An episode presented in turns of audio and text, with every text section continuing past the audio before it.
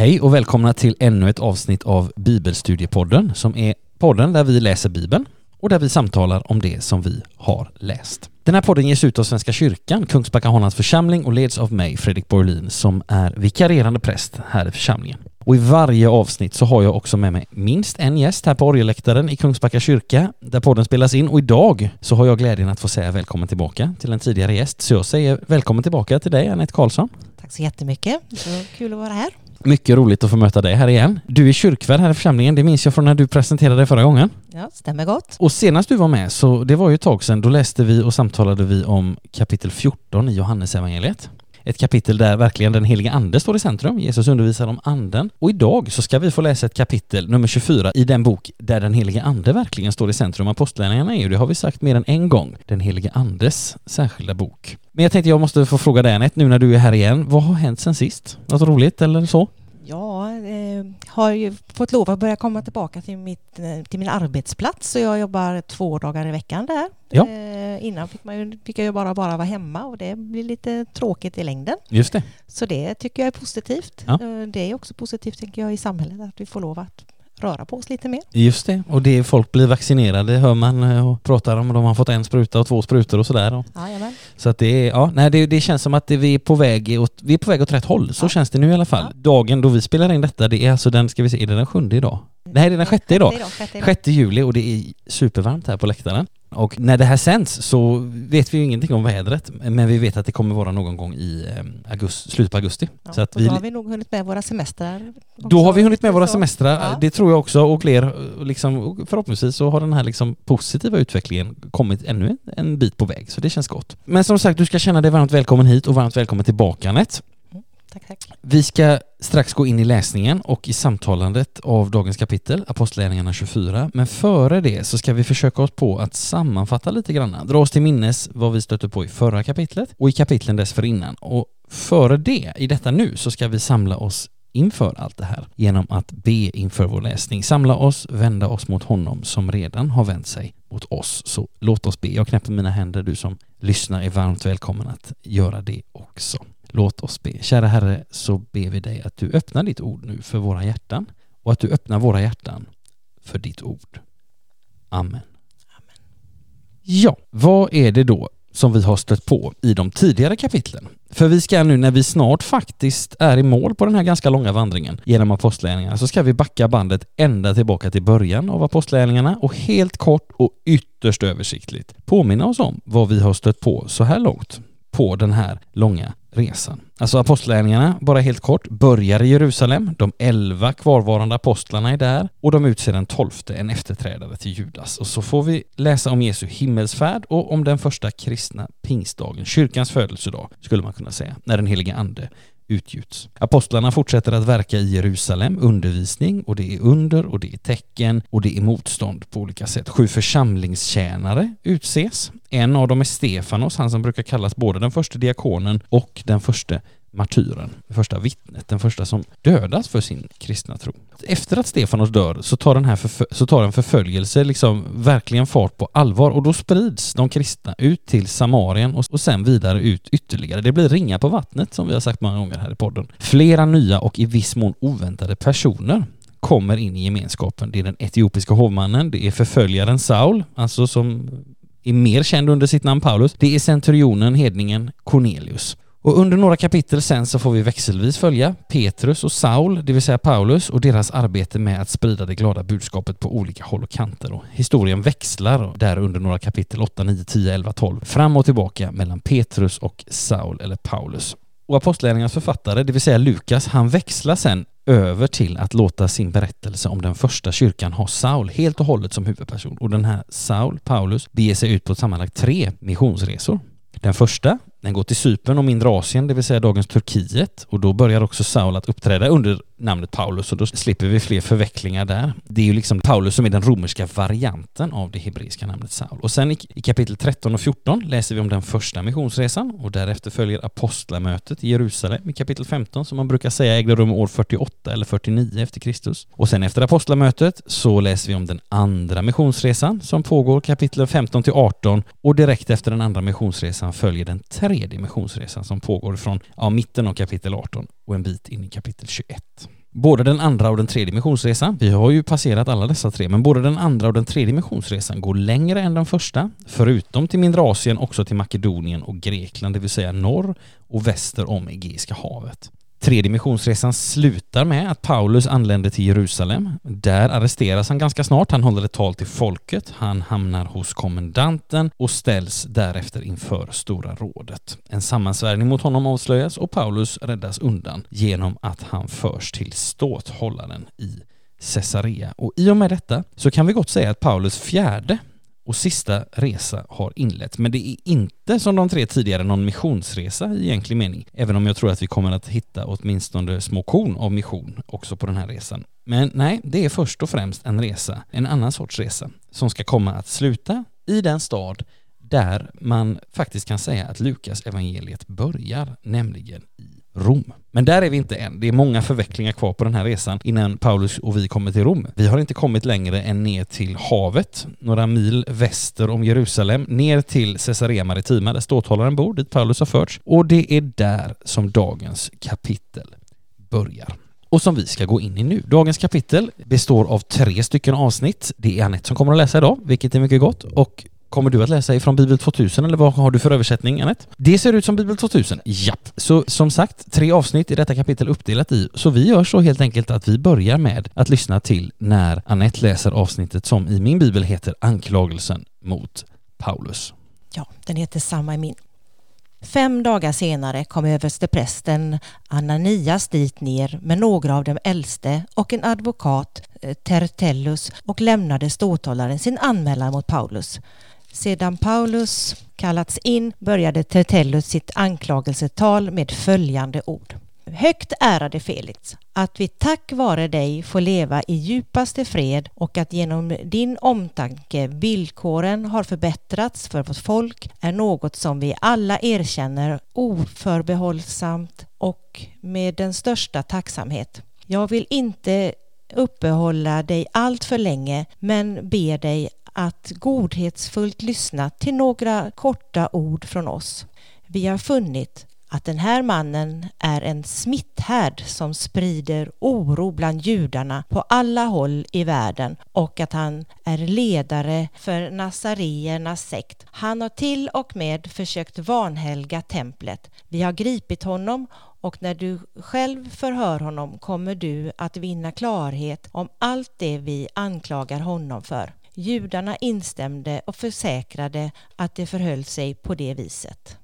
Tack så mycket Anette. Ja, nu har vi fått höra anklagelsen emot Paulus och här finns det några saker som är lite intressanta och bara, bara kort säga någonting om. Här finns några personer och några begrepp som kan, vi kan behöva säga någonting om. Dels översteprästen Ananias. Honom mötte vi i förra avsnittet och vi påminner oss bara helt kort om att han var överstepräst mellan åren cirka 48 till 58 efter Kristus och han mördades faktiskt några år senare, år 66, i samband med de oroligheter som föregick upproret mot Rom. Var ju ett uppror där som brutalt slogs ner, men det är faktiskt efter apostlärningarnas berättelse i slut, så att det kommer vi inte att stöta på. Men att Ananias dyker upp här och att han senare mördas, det påminner oss om att historien fortsätter när apostlärningarna är slut. Sen så får vi höra om en advokat här, Tertellus, och det grekiska ordet som används här bakom det som heter advokat här i vår översättning, det, är, alltså det betyder ursprungligen talare kan man säga. Den i antiken mycket liksom högt skattade och eh, utvecklade talekonsten, den kan man säga, den, den användes i alla möjliga sammanhang. Inte minst när människor drogs inför rätta eller drog varandra inför rätta och så vidare. Och vi märkte när Annette läste här att det, det är ganska högtravande språk eh, i detta och det, det, han liksom, den här Tertellus han liksom lismar och börjar med att liksom berömma den som lyssnar och sådär och det är det snacket man snackar helt enkelt i dåtidens liksom rättssal att det handlar också väldigt mycket om att övertyga med vältalighet så att säga. Det kan vi hoppas att det inte fungerar så i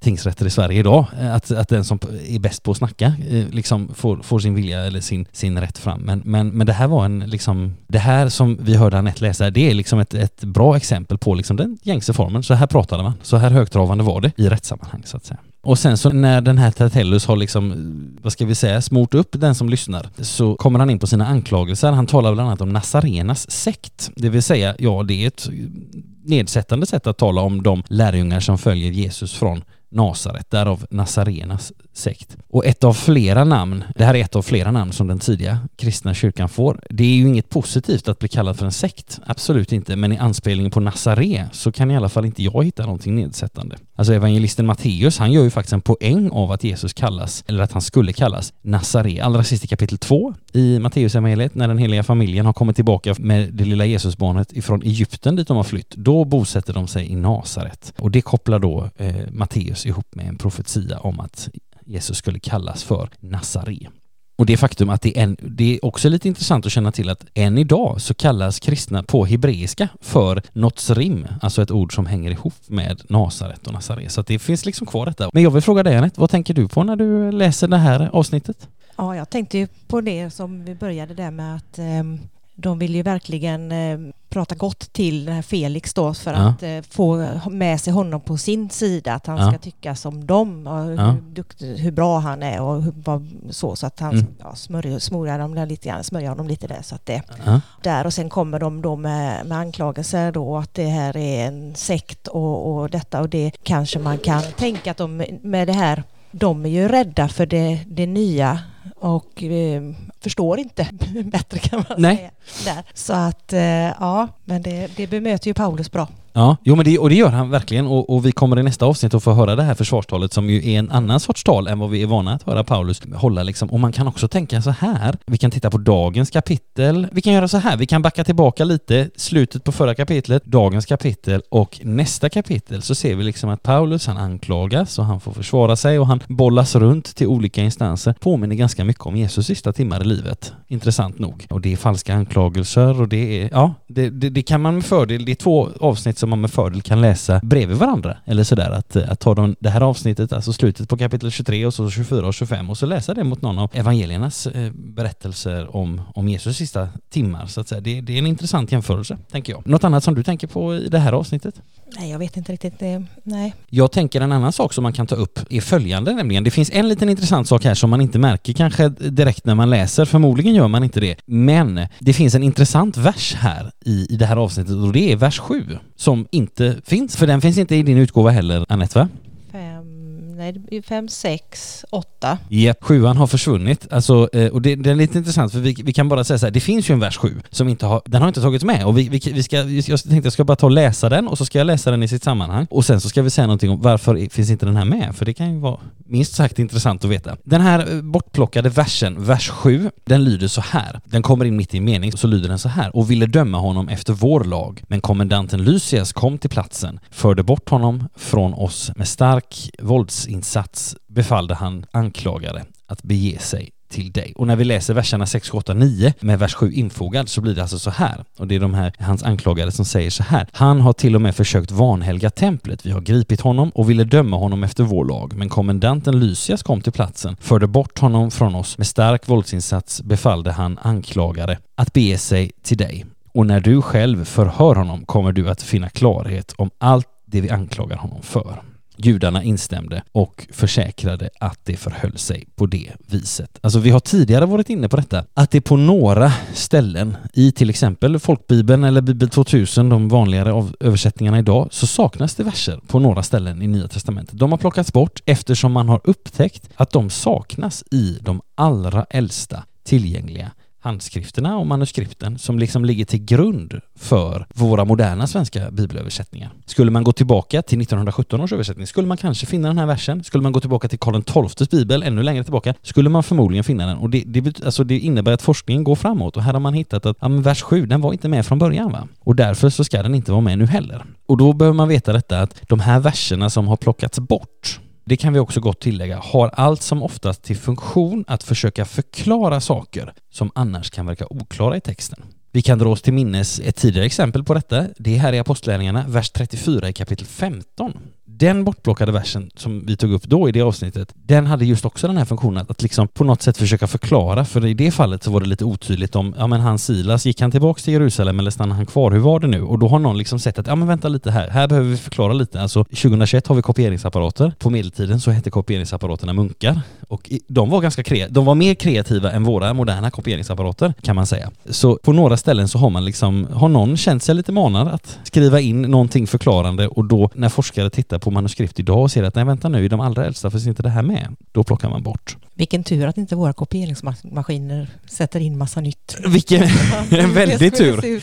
Det skulle vara, det skulle vara intressant att, att få läsa både det ena och det andra då, om, om de var lika kreativa så att säga. Och jag tänker koppla till detta, allra sist bara om detta innan vi går vidare, så kan vi bara säga så här att en fördel med de här tilläggen, om man ska tala om några sådana, det är ju faktiskt, vi kan tycka att det är problematiskt liksom för, för själva bibeltextens skull att någon har suttit och lagt in saker. Men en fördel med de här tilläggen det är ju faktiskt att det kan hjälpa forskare att upptäcka både när och var manuskript har kommit till och hur olika manuskript liksom är beroende av varandra. Alltså eh, manuskript A har, har någon haft framför sig och så har de skapat manuskript B och så vidare. Och så försöker man ju få reda på ja, men hur hänger de här ihop? Var har de kommit till? Vilket kom först och hur är de beroende av varandra och så vidare. Om vi bara som ett exempel, om vi låt säga har tio manuskript till Nya Testamentet framför oss och tre Tre av dem har det här tillägget och sju av dem har det inte. Så kan vi ju dra slutsatsen att de här tre som har tillägget, de hänger ihop på något sätt. De är på något sätt eh, beroende av varandra och de andra sju är på något sätt så hänger de ihop. Kanske har de här tre då med tillägget kommit till på samma plats eller kanske har ett av de här tre varit liksom en förlaga till de två andra. Det här med manuskript, det är ett väldans pussel att lägga. Men säkert är det ett mycket spännande pussel. Men det är också ett pussel som hjälper oss att se att Bibeln är trovärdig. Att man kan säga att ja, den är belagd så otroligt långt tillbaka. Och många av de manuskript som finns är också väldigt, alltså det finns en väldigt stor harmoni och därför är man också, man går verkligen ner på detaljnivå när man tittar på detta. Och det tänker jag, det är också en trovärdighetsfråga att kunna säga att det här är inte bara någonting som har dykt upp utan det här, det här skärskådar man verkligen för att liksom komma, ja men ännu närmare in i ordet helt enkelt. Och så kan vi bara säga någonting om det allra sista i det här avsnittet. Judarna, står det, instämde och försäkrade att det förhöll sig på det viset. Och judarna, ja det vill säga de närvarande rådsherrarna. Vi minns ju också från vår vandring genom Johannes evangeliet att begreppet judarna inte sällan betyder just de judiska ledarna. Så det kan vara bra att bara påpeka här. Gott. Om inte du har något annat Anette, på det här avsnittet så tänker jag att vi, vi går vidare och eh, läser det andra avsnittet. Som, ska vi se, i min bibeltext så har den här avsnittet överskriften Paulus försvarstal inför ståthållaren Felix. På ståthållarens tecken tog Paulus till orda. Jag vet att du i många år har varit domare för detta folk och därför är det med tillförsikt som jag försvarar min sak. Du kan själv förvissa dig om att det inte är mer än tolv dagar sedan jag kom upp till Jerusalem för att be i templet. Varken där eller i synagogorna eller ute i staden har de sett mig diskutera med någon eller hetsa upp folk. Och de kan heller inte inför dig styrka sina anklagelser mot mig. Men jag erkänner att jag följer vägen som de kallar för en sekt och att jag på det sättet tjänar vår fäders Gud samtidigt som jag tror på allt som lagen säger och allt som står skrivet hos profeterna. Jag hyser samma hopp som eh, dessa mina anklagare att Gud ska låta både rättfärdiga och orättfärdiga stå upp från de döda. Därför strävar också jag efter att alltid ha ett gott samvete gentemot Gud och människor. Efter flera år kom jag tillbaka till mitt folk för att ge allmosor och offra. Det var då man fann mig i templet. Jag hade renat mig och där var ingen folkmassa och inget tumult. Men där var några judar från Asien. De borde stå här inför dig och anklaga mig om de har något att anföra. Eller också får de som är här tala om vad de fann mig skyldig till när jag stod inför rådet. Om de inte var just det ord som jag ropade mitt ibland dem. Det är för de dödas uppståndelse som jag idag står till svars inför er. Stort tack Anette. Ja, så fick vi alltså oss återigen ett tal till livs, alltså nämligen Paulus försvarstal inför ståthållaren Felix. Vi kan notera att det här som den här eh, advokaten Tertellus, han eh, inledde ju ganska, med ganska stora ord och man kan, man kan bara notera att Paulus, han är inte riktigt lika översvallande, men han har ändå en ganska, jag tycker ändå han har en ganska artig inledning, eller han på något sätt så är det ju ändå ett artigt tilltal där i början. Jag vet att du i många år har varit domare för detta folk, säger ju Paulus, och därför är det med tillförsikt jag försvarar min sak, det vill säga han på något sätt säger, tänker jag, säger ju att jag, lit, jag litar på att det här kommer att bli ett rättssäkert avgörande. Så att här finns ju också lite av det här, inte kanske smickret, men ja, eller vi kan kalla det för smicker. Det kan vi gott göra. Och det här talet, försvarstalet hålls alltså inför ståthållaren Felix. Honom talade vi om helt kort i förra avsnittet, men vi kan bara helt kort dra oss till minnes denne Felix. Han var ursprungligen en frigiven slav, men han var ståthållare i provinsen Judén cirka 52 till 60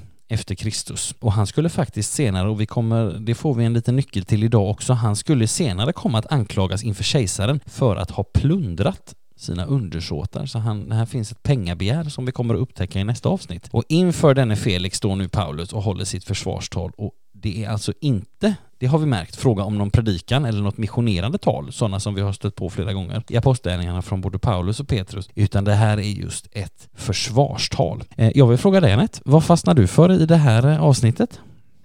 Ja, för, först var det ju där att han, han gjorde ju som du sa innan, att han ville tala om lite då att han ehm, att Felix var, eh, hade gjort bra saker mm. och eh, likadant sen då att ehm, han, det är inte de som, eh, vilka som skulle an, varit där och anklagat honom, mm. de är ju inte där. Mm.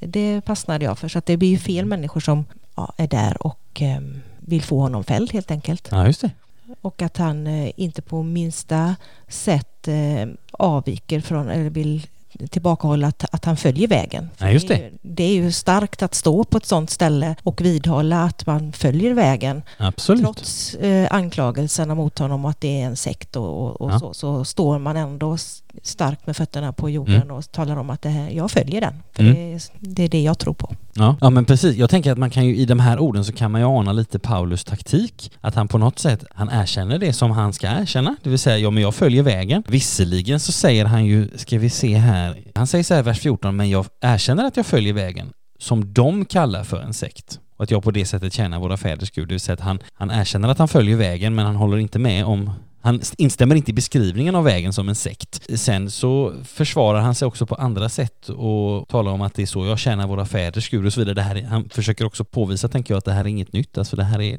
Gud har gjort någonting nytt men det är liksom samma Gud som innan så att säga. Ja, och, allt som står i Gamla Testamentet det följer ju han också. Ja, ja men precis. Och sen så tänker jag också att han gör det här, det vill säga han försöker, om man får säga så, lite grann slå hål på utredningen. Mm. Det vill säga han säger, men eh, de här personerna som verkligen skulle vara mina anklagade, var är de nu? Och det är, också, det är också en intressant taktik att säga att de som verkligen skulle anklaga Paulus då, om det finns någonting att anklaga honom för, de är inte här. Och det, så det, och det är också ett sätt att försvara sig. Jag tänker att man kan dra sig till minnes Markus 13, så talar Jesus om att ni kommer att ställas inför domare och domstolar som mina vittnen inför dem, eh, och orden kommer att läggas i er mun. Så man får ju tänka att eh, om man tycker att det här var ett väl avvägt tal av Paulus så kan man tänka att det är nog andra som är med här och gör det han ska så att säga. Mm. Gör det som Jesus har lovat. Och det är gott att tänka på.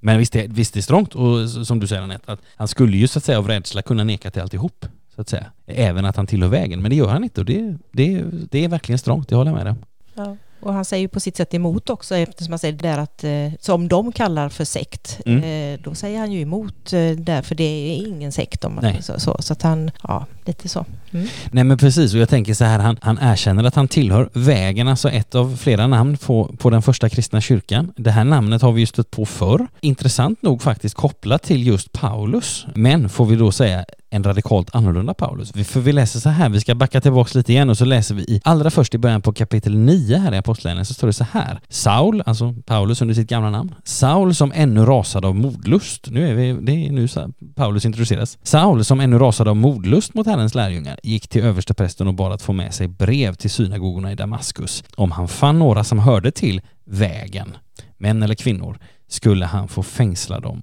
och föra dem till Jerusalem. Alltså ordet vägen i kapitel 9 och ordet vägen här i kapitel 24. Båda kopplade till Paulus på något sätt, men kan vi då säga att det är radikalt olika Paulus, fast samma person men före och efter den här radikala omvändelsen. Att det här ordet följer med liksom kapitel 9 och så kapitel 24 påminner oss om den här otroliga förändringen som Gud har verkat genom Paulus, tänker jag. Sen, sen stöter vi på vägen, alltså det ordet också i kapitel 19 och sådär, men just när vi ställer början av kapitel 9 och så här i kapitel 24 så påminns vi om att wow, här har det hänt en, här har det hänt, nu är, nu är Paulus på försvararnas bänk och då var han ju verkligen eh, chefsåklagare kan man ju säga och ingripande polis och allting liksom. Så att ja, det, det fascinerande att tänka på vilken utveckling som har skett. Vilken, vilken verksamhet som har varit igång liksom. Så det, ja, det är häftigt. Är det något annat du fastnar för i det här avsnittet, eh, Anette? Nej, det tror jag inte. Nej. Nej, men då ska vi göra så att vi ska gå vidare. Vi har ett avsnitt kvar idag och nu så ska vi läsa vidare om vad som händer under de kommande två åren. Det här är lite intressant. Sammanfattat i ett enda kort stycke. Avsnittet som vi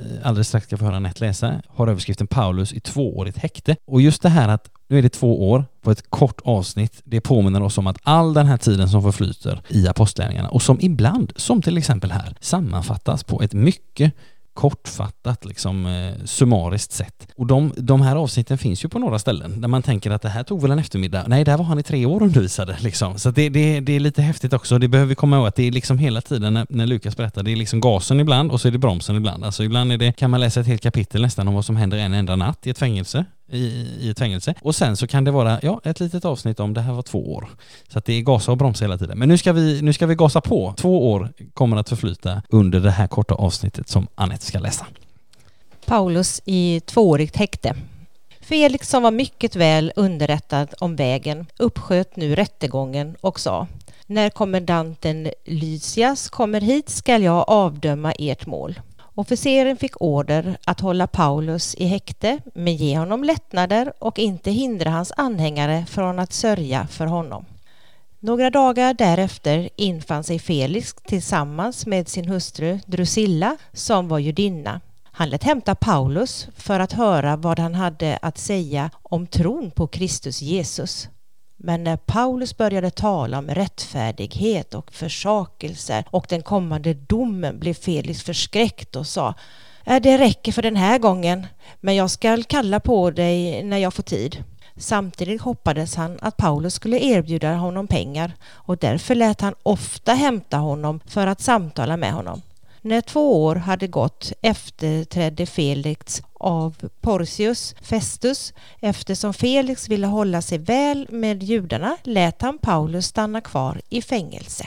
Tack så mycket Anette. Ja, vi får veta om Felix att han var mycket väl underrättad om vägen, vilket visar tror jag, en, en intressant sak, nämligen den här stora spridningen som den kristna tron har fått vid den här tiden. Att Felix, han var väl underrättad om vägen för att han hade fått mycket information för att det fanns mycket information att få. Vägen började bli ett, ett känt samhällsfenomen, får vi tänka oss utifrån den här bara lilla antydningen om vad Felix faktiskt vet och är underrättad om. Jag ja. tänker att han kanske var väldigt nyfiken på att få veta mer också. Ja men, ja, men precis, ja, det finns också här. Inte bara liksom, han ville, ville få mer. Mm. Då. Och, och, och, sen så får och vi får ju också höra här sen hur, hur så att säga han möter på den här Paulus då förkunnelse sen och det, blir, det, det får vi säkert anledning att, att, komma tillbaka till. Sen är det intressant också, tänker jag så här, Felix skjuter upp rättegången. Vi kanske kan ana vissa motiv som han har till detta, bland annat det här med pengar som vi eh, hörde Anette läsa här i, i vers 26, att han hoppades eh, att Paulus skulle erbjuda honom pengar. Och vi hörde ju innan om att han har, verkar ha eh, dragning till, till det på ett, eh, på ett sätt som blir ganska förödande för honom i ett senare skede. Men jag tänker också så här, det ligger också också någonting säkert väldigt delikat i det här målet, i det här rättsfallet. Alltså någonting svårt, komplicerat, känsligt. Felix vill ju både hålla sig väl med judarna, det hörde vi Anette läsa i den sista versen här, men kan samtidigt inte göra precis som han vill med Paulus eftersom han är romersk medborgare. Det har ju också uppdagats för inte så länge sedan. Och det innebär att Paulus inte bara kan behandlas hur som helst, som till exempel Jesus kunde göra, där man bara kunde dra någon inför rätta och avrätta och sådär. Paulus är romersk medborgare och därför har han fler rättigheter och mer beskydd av den romerska staten. Men nu vill jag fråga dig, Annette, vad tänker du på, fastnar du för mer i, i det här avsnittet? Det är att det var en eh, nyfikenhet ifrån eh, Felix ja. eh, och också att på det viset när han höll honom fängslad så på sitt sätt så hade han ju koll på att inte det hände Paulus någonting mer drastiskt ute bland folket som Nej, inte ville att han skulle få vara kvar då. Nej men det, det tänker jag, det är, en, det, är en, det är en väldigt viktig understrykning det här att man kan tycka, ja skulle den stackaren sitta i häkte i två år? Man tänker sig, ja fast det är också ett skydd för honom. Det är också ett skydd för Paulus, alltså att han, ingen kan komma åt honom där riktigt på samma sätt som om han hade varit ute bland folk så att säga.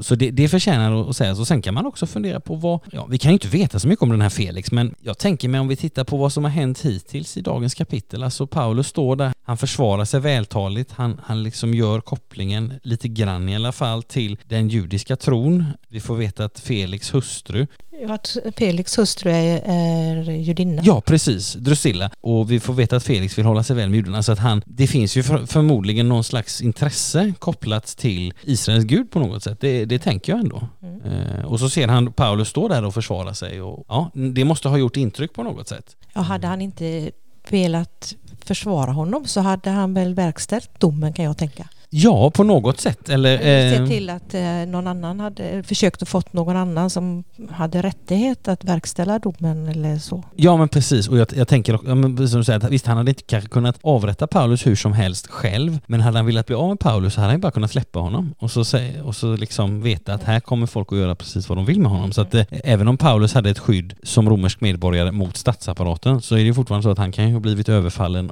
av sina motståndare precis när som helst ändå. Så det, ja, det är lite delikat och vi får också veta att han lät hämta honom för att samtala med honom ofta. Och det hade ju lite att göra med pengarna där, men jag tror ändå att det, jag vill ändå se i Felix någon slags intresse för, för Paulus budskap liksom.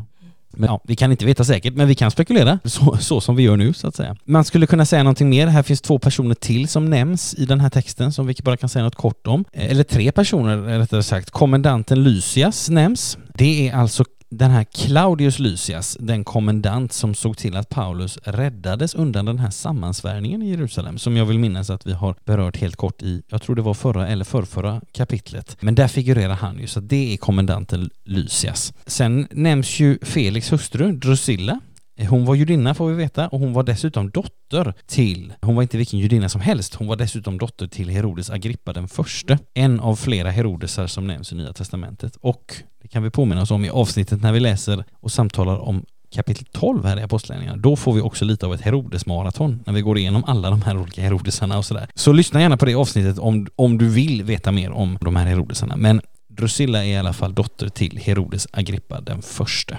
Och så nämns den kommande ståthållaren, nämligen Porcius Festus, eller Porcius Festus. Den ståthållare som alltså efterträdde Felix. Och Porcius Festus, han var ståthållare i Judeen i bara ungefär två år, mellan 60 och 62. Gott. Har du något mer som du tänker på eller fastnar för här Anette i det här avsnittet?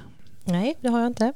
Men då ska vi göra så, för att jag har inte så mycket mer att säga heller. Alltså det, det är intressant det här med apostlärningarna, för ibland, vissa avsnitt så kan det vara liksom långa, långa tal och det kan vara sådär och sen så kan det vara missionsarbete och här är det mer, här är det ganska samlat. Det märker vi också. Det var lite som vi var inne på för en stund sedan det här med att Lukas han gasar och bromsar. Här var det två år som eh, ägde rum i ett enda litet avsnitt. Ibland så kan vi få väldigt ingående om eh, information om saker och ting och ibland så är det ändå ganska översiktligt. Alltså hade, hade Lukas velat så hade han säkert kunnat berätta betydligt mer mer än de här två åren och vad Paulus undervisade om när han var eh, hos Felix. Men han har gjort ett urval och det får vi förhålla oss till.